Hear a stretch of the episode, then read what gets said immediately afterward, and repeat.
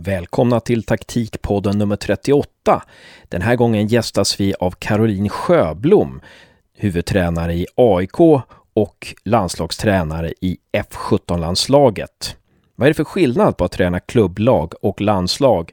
Och hur har fotbollen utvecklats sedan Caroline la av med fotbollen för ett antal år sedan? Och vilka slags spelare är det brist på? Vad skulle det behövas mer av i svensk fotboll? Och dessutom, hur har tränarrollen förändrats? Och kanske mest intressant av allt, hur kommer det sig att hon lyckades få både Tyresö och AIK att bli topplag på så kort tid? Vad är det första hon gör för att skapa fokus? Som ni vet kan ni vinna en månads prenumeration på Lars Lagerbäcks, Hasse Backes, John Walls med fleras Game Inside Soccer och det enda ni behöver göra är att retweeta vår tweet från den här fredagen den 8 maj, så är det med i utlottningen. Första säsongen av vår vlogg på Youtube, Taktikpoddens kanal heter vi där, är ju färdigspelad och det ligger drygt 30 avsnitt där, så vill ni kolla in den första säsongen så är det bara att gå ut på Taktikpoddens kanal på Youtube. Nästa vecka så pratar vi med David Fällman försvarsrese i Hammarby IF. Men nu är det dags för Caroline Sjöblom.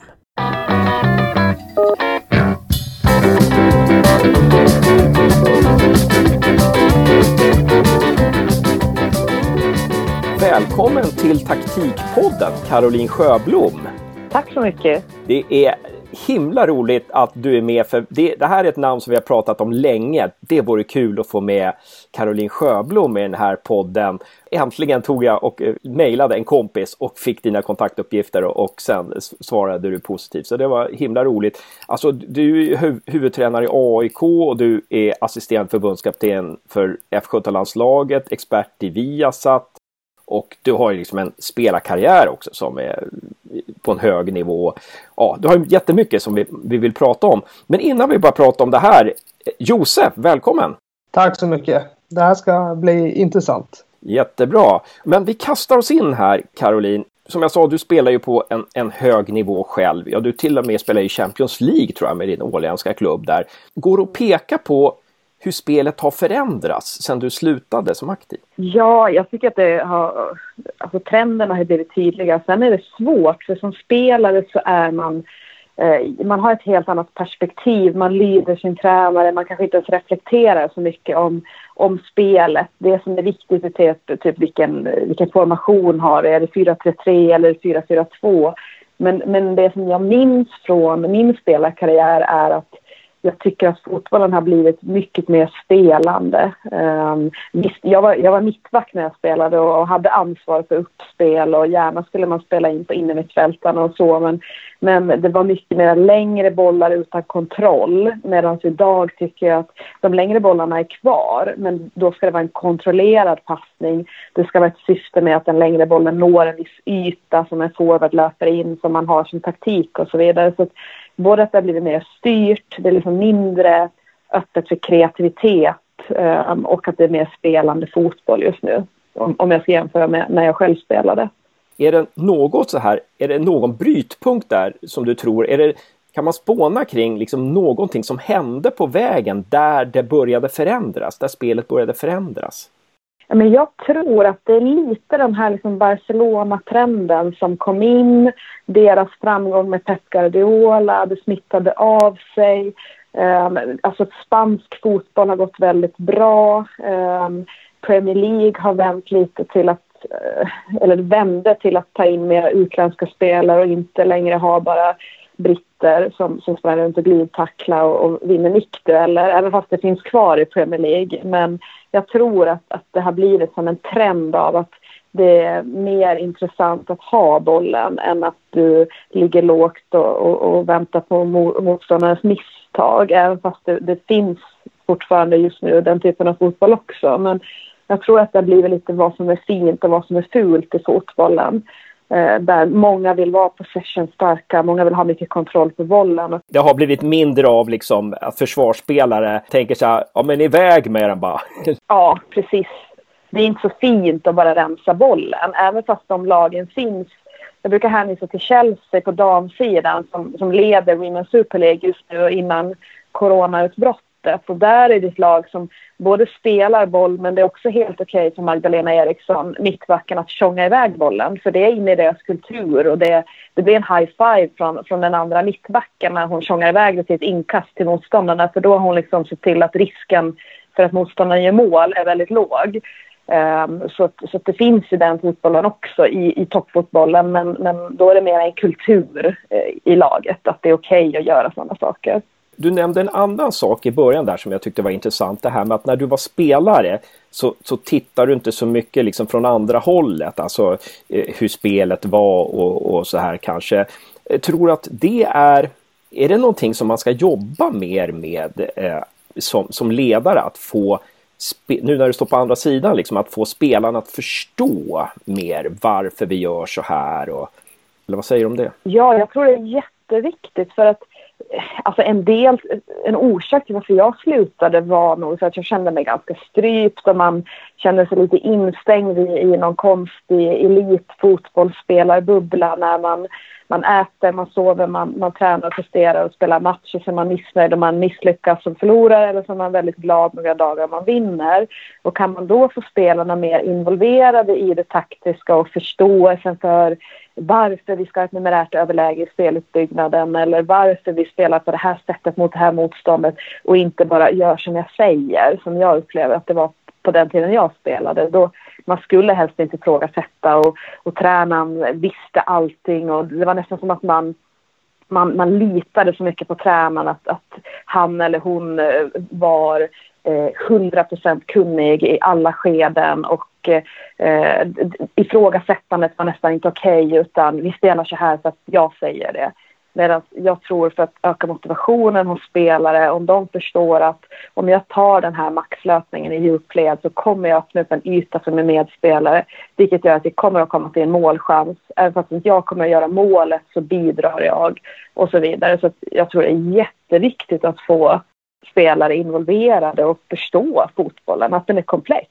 Och det finns inte, det är inte svart eller vitt. Ingen taktik är svart eller vitt, utan det är hela tiden vågskål. Ska vi ha mycket boll så riskerar vi det här, ska vi ha lite boll så riskerar vi det här och så vidare. Är det en trend som du upplever har förändrats eh, med fotbollens utveckling att, eh, att man måste involvera spelarna mer för att eh, få dem att ge det yttersta?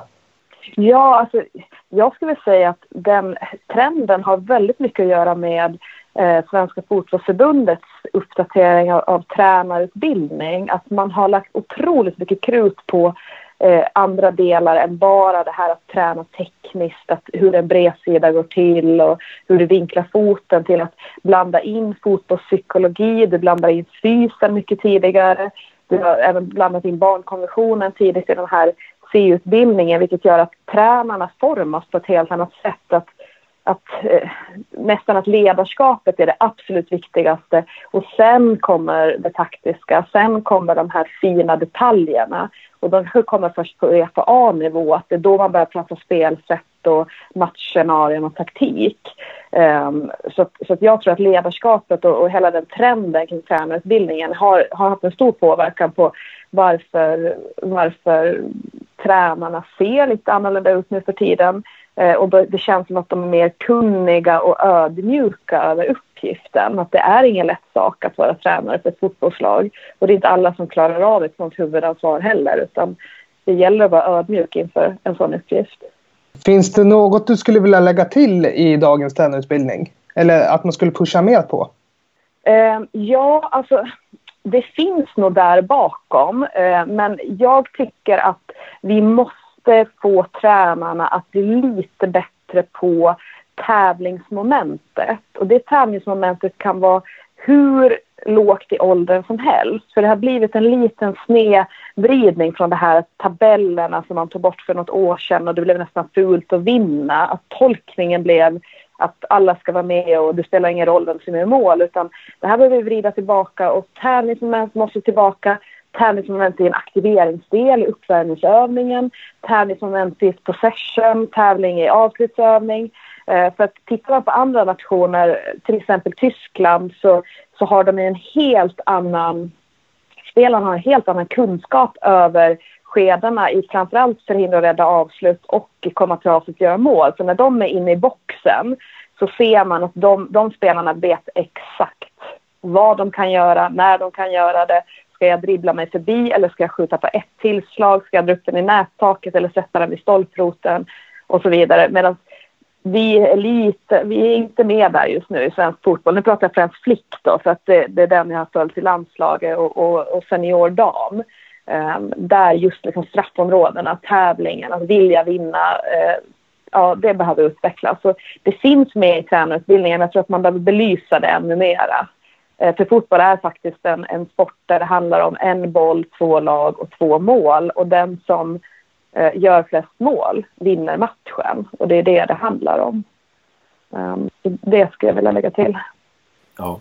Det du säger där, det stryker ju under, alltså det var ju det som Jonas Munkvold sa som är, som är akademitränare i Nottingham Forest. Han kommer ju från Vålerengens akademi och han sa ju det att, att eh, ja, det han saknar i Skandinavien det är det här med att, att eh, viljan, viljan att vinna, tävlingsmomentet finns i varje ja. Varje Exakt. detalj. Och sen sa han faktiskt också det här med kaos. Man måste tillåta kaos. Man måste förbereda spelarna på kaos. För fotbollsmatcher är kaos. Jag eh, vet inte vad du, vad du säger om det.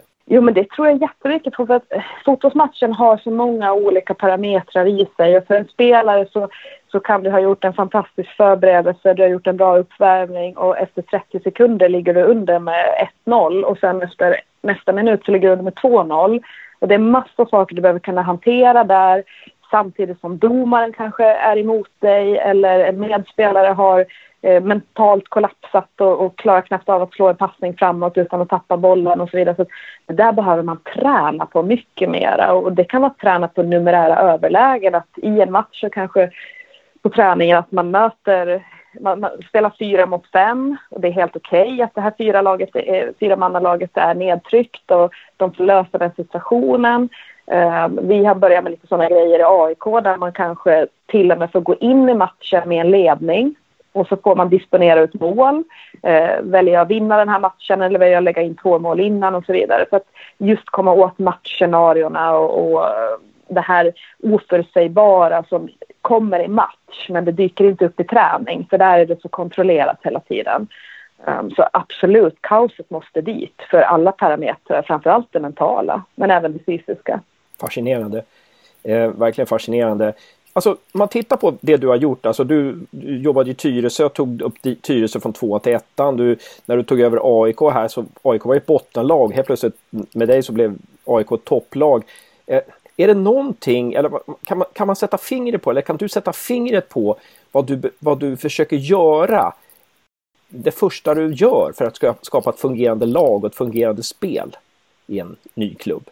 Um, ja, för det första är jag väldigt kräsen på uh, vilka jag har runt om mig, alltså organisationen. För det är otroligt viktigt. Alltså, vem är ASS-tränare? Vem uh, har jag lagledare som hjälper till att avlasta uh, mig som tränare som kan boka borta matcher och boka mat?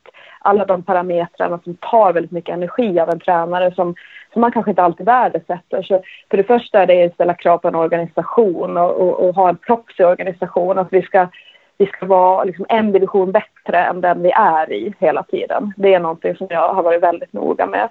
Sen när det gäller laget och, och, och vad jag gör, då är det först att göra genomlysning. Var är laget någonstans? Ofta så ligger man efter fysiskt, så var det i, i Tyresö. Eh, låg väldigt mycket efter fysiskt och i AIK också när jag kom dit så var de väldigt Eh, ja, de, var, de var inte bra rent fysiskt. Så då, det gäller att lägga en plan. Eh, och då handlar det om struktur, att man bygger upp en plan med struktur och så har man ett tålamod. Alltså det går inte över en natt att förändra någonting. Men om jag som tränare jobbar med kontinuitet, tålamod och har struktur samtidigt som jag visar att jag tror på någonting eh, och har ett väldigt, väldigt stort engagemang. Att jag är engagerad i allting, jag är engagerad i att vi ska utvecklas och, och samtidigt ska jag utbilda spelare och, och, vi ska bli bättre. Vi har hela tiden en, en målsättning som är högre än där vi är. Um, ja, det, det, utifrån det jag jobbar. Men det handlar väldigt mycket om struktur. Att jag står inte liksom och jobbar bara med magkänsla utan det är så här, hit ska vi, hur kommer vi dit? Man, man, oavsett om man periodiserar fysiskt eller taktiskt. Att liksom, det här mönstret följer vi vecka efter vecka. Ja, vi kanske behöver vrida och vända här för att få till lite mera variation. Hur kan vi göra då? Um, hur kan vi få spelarna mer delaktiga? Kan vi jobba lite mera med uh, lagsammanhållning på det här sättet och så vidare. Så att, uh, nyckeln är nog engagemang. Alltså det är hårt jobb som, som ja, man har lagt ner många timmar. N när du då ska sälja in en spelidé till, till ett nytt lag, där du sålde in det till AIK, eh, som, mm. och, och, då kan jag tänka mig att du hade några eh, några så här eh, saker som du hängde upp det på, några, några rubriker. Jag kan tänka mig att det behöver bli ganska tydligt för spelarna direkt så här, ja så här ska vi spela. Hur, hur förklarar man en spelidé så att det, så att det inte blir liksom för komplicerat? Ja, och då behöver man ju tänka att spelare, de litar väldigt mycket på sin tränare och de vill ha tydlighet. Du får inte komma med hela din spelidé och slänga ut 30 sidor. Så här gör vi varenda situation, så här gör vi varenda roll. Utan då, jag och, och min kollega Robert Svanström, vi hade flera möten, många möten där vi diskuterade väldigt liksom nördigt ner i detalj, varenda roll i princip på vad gör ytterbacken och hur, hur gör vi, hur roterar vi och så vidare. Så det vi presenterade till spelarna, det var egentligen en powerpoint med en formation. För det är det de vill ha. De vill veta om vi spelar fyrbackslinje eller trebackslinje. Och då visade vi en formation eh, och så visade vi några pilar på liksom anfallsvägarna och så här ser det ut när vi pressar. Punkt slut. Resten kommer under träning. Eh, så att de köpte det totalt. De tyckte det var jättespännande för att vi, har, eh, vi spelar då med, med trebackslinje, vi roterar upp en, en back och så vidare och, och bygger lite numerära överlägen och väldigt offensivt balanserade och det gillade de för vi hade många sådana spelartyper som gärna är högt upp i banan och har mycket boll och så vidare. Sen handlar det om i träning att jobba med liksom alla de taktiska sakerna och de eh, ja, spelförståelsebitarna. Så där står inte vi och predikar om, om principer och har långa liksom, teoriutläggningar utan det kommer ju i träningen. Där bygger vi in det hela tiden, våra, våra principer och, och har gjort och, och, och således liksom utvecklat spelet genom att träna på saker och spelarna får göra saker mer än att kanske få få teoretiska genomgångar med, med hur vi vill spela. Du sa det här, roterar upp backlinjen, vad betyder det? Ja, men vi har roterat upp en ytterback som har blivit ytter. Uh, ja, uh, för att skapa, ja, det, det beror lite på. Vi jobbar med numerärt överläge uh, i, i vårt anfallsspel och då låter vi spelarna liksom få känna av själva att löser vi det här? Är vi fyra mot två eller kan det vara tre mot två? Hur skicklig är vår målvakt och så vidare. Så att, mycket sånt handlar det om i framförallt i speluppbyggnaden. Ja, så rotera upp en ytterback, det betyder att då spelar man med målvakt och, och två försvarare helt enkelt? Ja, tre stycken. Så eh, från en fyrbackslinje för den ena. Då. Ja. Du förstår vad jag menar. Ja, intressant. Jag var lite nyfiken på hur du bygger in dina principer i träningen. Hur du får det att gå från det här enkla till det nördiga och att spelarna hänger med på det. Mm, eh, vi har blivit ännu bättre denna säsong på den taktiska periodiseringen där vi jobbar med huvudprinciper och sen sub och subprinciper. Och då är ju huvudprincipen är ju um, den som är det övergripande målet för laget i ett skede till exempel. Uh, och om vi säger i, i uh, spelutbyggnad så, så vill vi uh, spela med kontroll framåt gärna genom eller över. Typ så. Det är liksom lagets kollektiv och då, då kan man använda den principen eh, när man jobbar med kanske ett eh, större spel så kan man jobba med det, att det är uppgiften.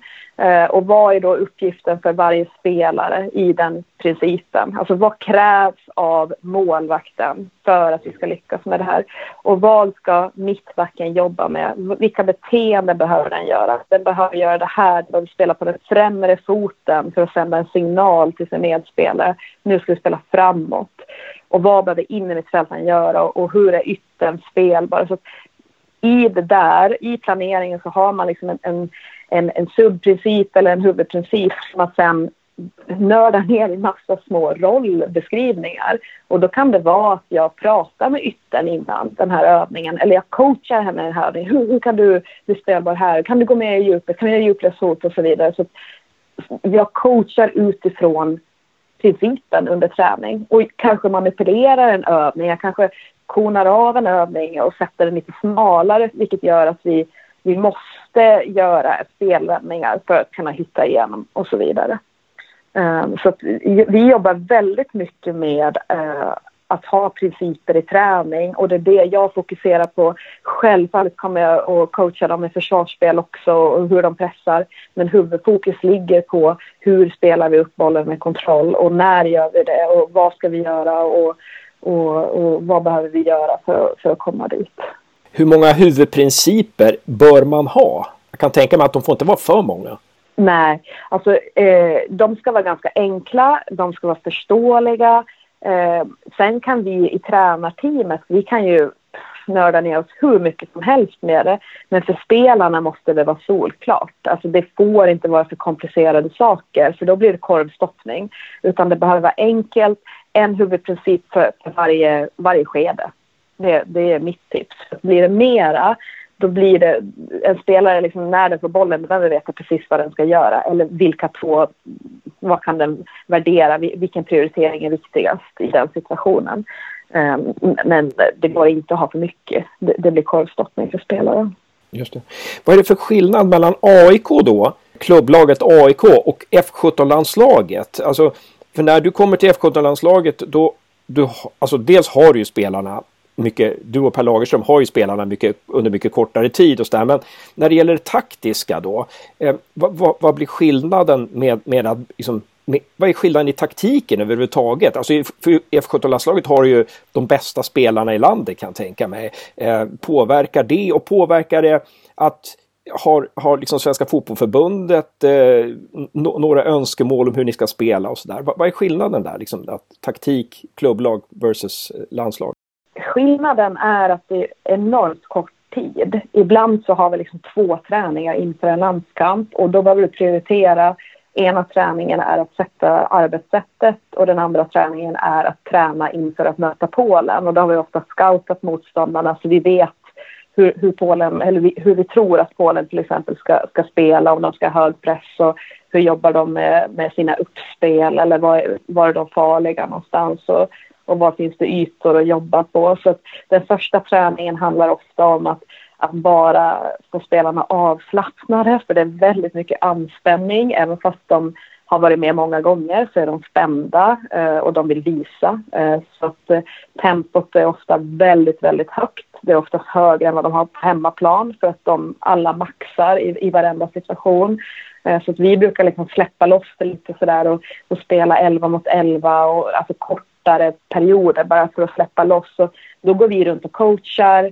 Eh, per har oftast haft en genomgång innan på, på träningen och, och på det taktiska. Ja, alltså väldigt, väldigt basic grejer om man jämför med det som, som jag jobbar med i klubblaget där vi faktiskt kan eh, jobba mycket, mycket djupare för att vi har spelarna hela tiden. Men, men på en sån här landslagssamling så det är basic grejer.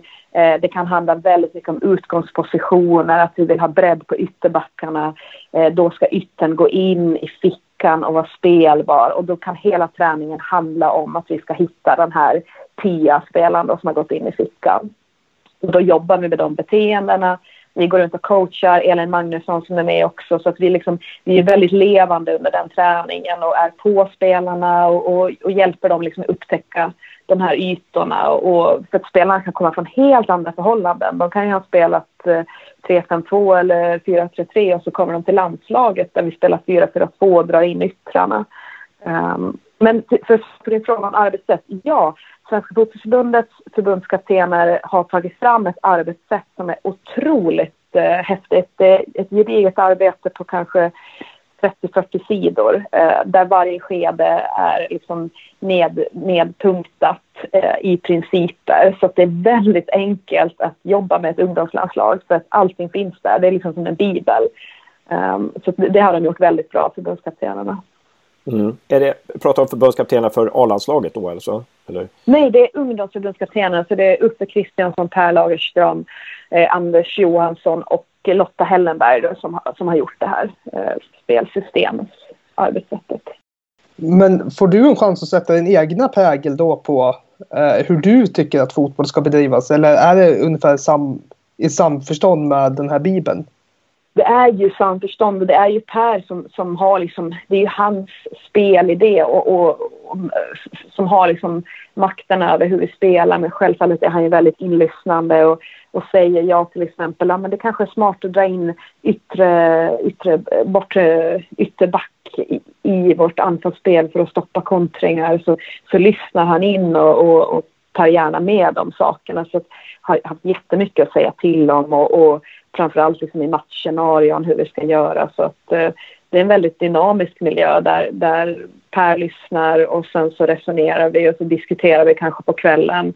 Eh, ska vi göra så här eller så här och så här pressar Polen, de har ett stämmande mittfält, hur tar vi oss förbi och så vidare. Så att det är otroligt mycket fotbollssnack inför de här landskamperna.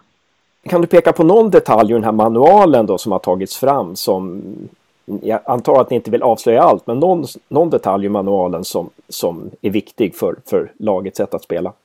Ja, alltså det är ju väldigt basic grejer egentligen. Men, men det som eh, framförallt i anfallsspelet som jag tycker förbundskaptenerna har lyft mycket som, som vi har jobbat med, det är ju det här när man är rättvänd bollhållare. Att vi i svensk dam och flickfotboll är väldigt benägna om att passa bollen hela tiden.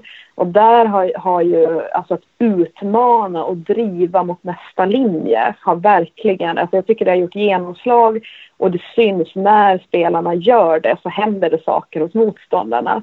Eh, så det kan handla om att vi har kommit in i spelet två bakom motståndarens mittfält. Vi har en rättvänd spelare som istället för att passa ut bollen direkt till ytter eller slå en boll i djupled så driver man mot och utmanar för att ställa då frågan till motståndarnas backlinje. Ska man kliva på, lämna den backen linjen? Vad händer med ytan bakom? Kan vi spela in? Kan man ta sig förbi? Eh, eller passa i djupled. Så det är en sån här enkel princip som är bara att utmana och driva framåt med boll som, som ger väldigt stor genomslagskraft som egentligen varenda lag borde prata om. Men när man glömmer bort det lite, utan vi är väldigt passningsorienterade och, och man utmanar inte lagdelar. Finns det någon position idag som det, ja, de, de här ungdomarna då som hör till de bästa i Sverige, är, är det någon position där, där det finns väldigt många bra spelare och fin, är det någon position där det finns lite ont om spelare? Jag tycker att det har kommit väldigt många bra innermittfältare. De har fin spelförståelse och de är väldigt skickliga men det är inga... Samtidigt som, som de är väldigt spelskickliga så är det ingen som har jobbat med dem riktigt. Så att de, de hämtar inte boll så som de borde göra. De är inte så delaktiga i spelet som de borde vara utifrån att det är så jäkla bra fotbollsspelare. Så innermittfältare kryllar av, men, kryllar av men, men de måste man jobba med. Alltså man måste vara på en innermittfältare. Hur går du ner och hämtar i backlinjen och hur kan du vara rättvänd när du får bollen? Eh, hur kan du även binda upp en motståndare för att sen öppna upp en yta för backen som den ska spela igenom? Så att det finns otroligt mycket bra innermittfältare men det är ju det att det är ofta där bra spelare hamnar och då blir de sedda för landslaget och så, så, så är det en stor konkurrens där. Det som saknas i, just nu det är ju mittbackar. Och vad man menar med mittbackar det är ju försvar mittback. Alltså de ska kunna nicka, de ska kunna gå upp i rygg, de ska vinna en mot en-dueller, de ska vara bra på press och täcka, de ska äga straffområde. Där är det enormt stor brist. För det är ju pendeln som har slagit till det här possession-starka. Eh, alla backar är otroligt skickliga på, på uppspel. De, de kan ju liksom nästan dribbla av vem som helst, eh, våra landslagsbackar. Men sen när det är inne i straffområdet mot den tyska, då är man inte så villig att gå upp i nickduellen eller vara bra på, på det tekniska med brytpassen till exempel. Att den inte hamnar hos en, en motståndare som är inne i straffområdet. Så att mittbackar eller backar överlag, eh, brist vad gäller försvarsspel. Stor brist. Och där tror jag vi tränare har blivit för, slarviga. vi fokuserar bara på deras uppspel och, och de är jättebra på uppspelen. Men sen så när, när det kommer ett lag som Polen eller Tyskland eller Spanien så, så har spelarna ingen koll på varken position eller det tekniska i, i straffområdet. Väldigt intressant. Där hör ni, ni som, ni som eh, spelar nu eller ni som tränar lag att, att eh, nu vet ni vad ni ska prioritera framöver. Eh, om ni vill sända era, era eh, fotbollsspelare till Caroline Sjöblom och Per Lagerström. Eller till AIK kanske också. Vi har en sista fråga här. Om det fanns en tidsmaskin och du kunde gå tillbaka tio år i tiden med all kunskap du har nu. Vad skulle du ha velat veta då som du inte visste? Alltså, I tränarutbildningen så pratar man väldigt mycket om Dunning-Kruger-kurvan. Eh, jag vet inte om ni är bekanta med den. Det handlar ju om att man i början av någonting, i ett yrke eller en utbildning, så är man ofta ganska kaxig med sin kunskap och man, man tror sig veta allt och liksom, ja. Och sen så börjar man utbilda sig eller man börjar lära sig och så börjar man inse att man egentligen inte kan någonting och så faller man jättelångt ner i den här kurvan och man blir så ödmjuk så att man man eh, nästan ber om ursäkt och jag kan ingenting. Och sen så börjar man vandra upp lite och så hamnar man i den här kanske Janne Andersson, eh, Peter Gerhardsson, att man, liksom, man är ödmjuk, man har förståelse för människan, man, eh, jag kan inte allt, jag behöver ha experter runt om mig, eller specialister runt om mig. Eh, jag är bra på det jag gör, men jag behöver också Daniel Ekvall med mig för att det är han som gör att jag blir bättre. Alltså den typen av approach. Och hade jag haft kanske den kunskap jag har nu om fotbollen, det hade varit väldigt häftigt för att jag trodde nog efter min spelarkarriär att det var lite mer svart eller vitt. Alltså 4-4-3, eh, så här är det, så här spelar man upp och så här vinner vi matchen och vi vann matcher framförallt med de här AIK 99 som jag hade. Men, men hade jag haft den kunskapen jag har nu, eh, det hade varit så häftigt och, och och liksom så manipulera det man höll på med och vrida och vända till saker och ting. Um, och experimentera lite mera under de åren. Det hade varit häftigt. Um, så att jag önskar att jag hade kanske varit liksom i den krigarkurvan, att jag hade tagit mig över den här pucken och kommit upp igen. Där jag kanske börjar känna att jag är nu, att, att jag är otroligt ödmjuk över alla människors kunskap och, och, det finns inget rätt eller fel, det finns inget svart eller vitt. Det går inte att säga att man ska pressa högt eller lågt eller du ska ha bollen eller du ska försvara utan alla har olika förutsättningar och eh, det är smak och tycke som, som avgör vad det är man faller för. Uh, se bara liksom på, på Klopp, vad han gör med varje lag, hur han, han får spelarna och hela klubben att liksom förhålla sig till den kultur han bygger upp och den identitet. Um, så att, ja, kanske man hade varit lite mer ödmjukare för tio år sedan. Tack så jättemycket Caroline Sjöblom. En helt grym, ett helt grymt snack det här. Eh, vi önskar dig all lycka till i, i framtiden. Tack så mycket. Det var jättekul att vara med. Och tack Josef. Bra jobbat. Tack själv Basse och tack så mycket Karo. Det var otroligt intressant att lyssna på dig.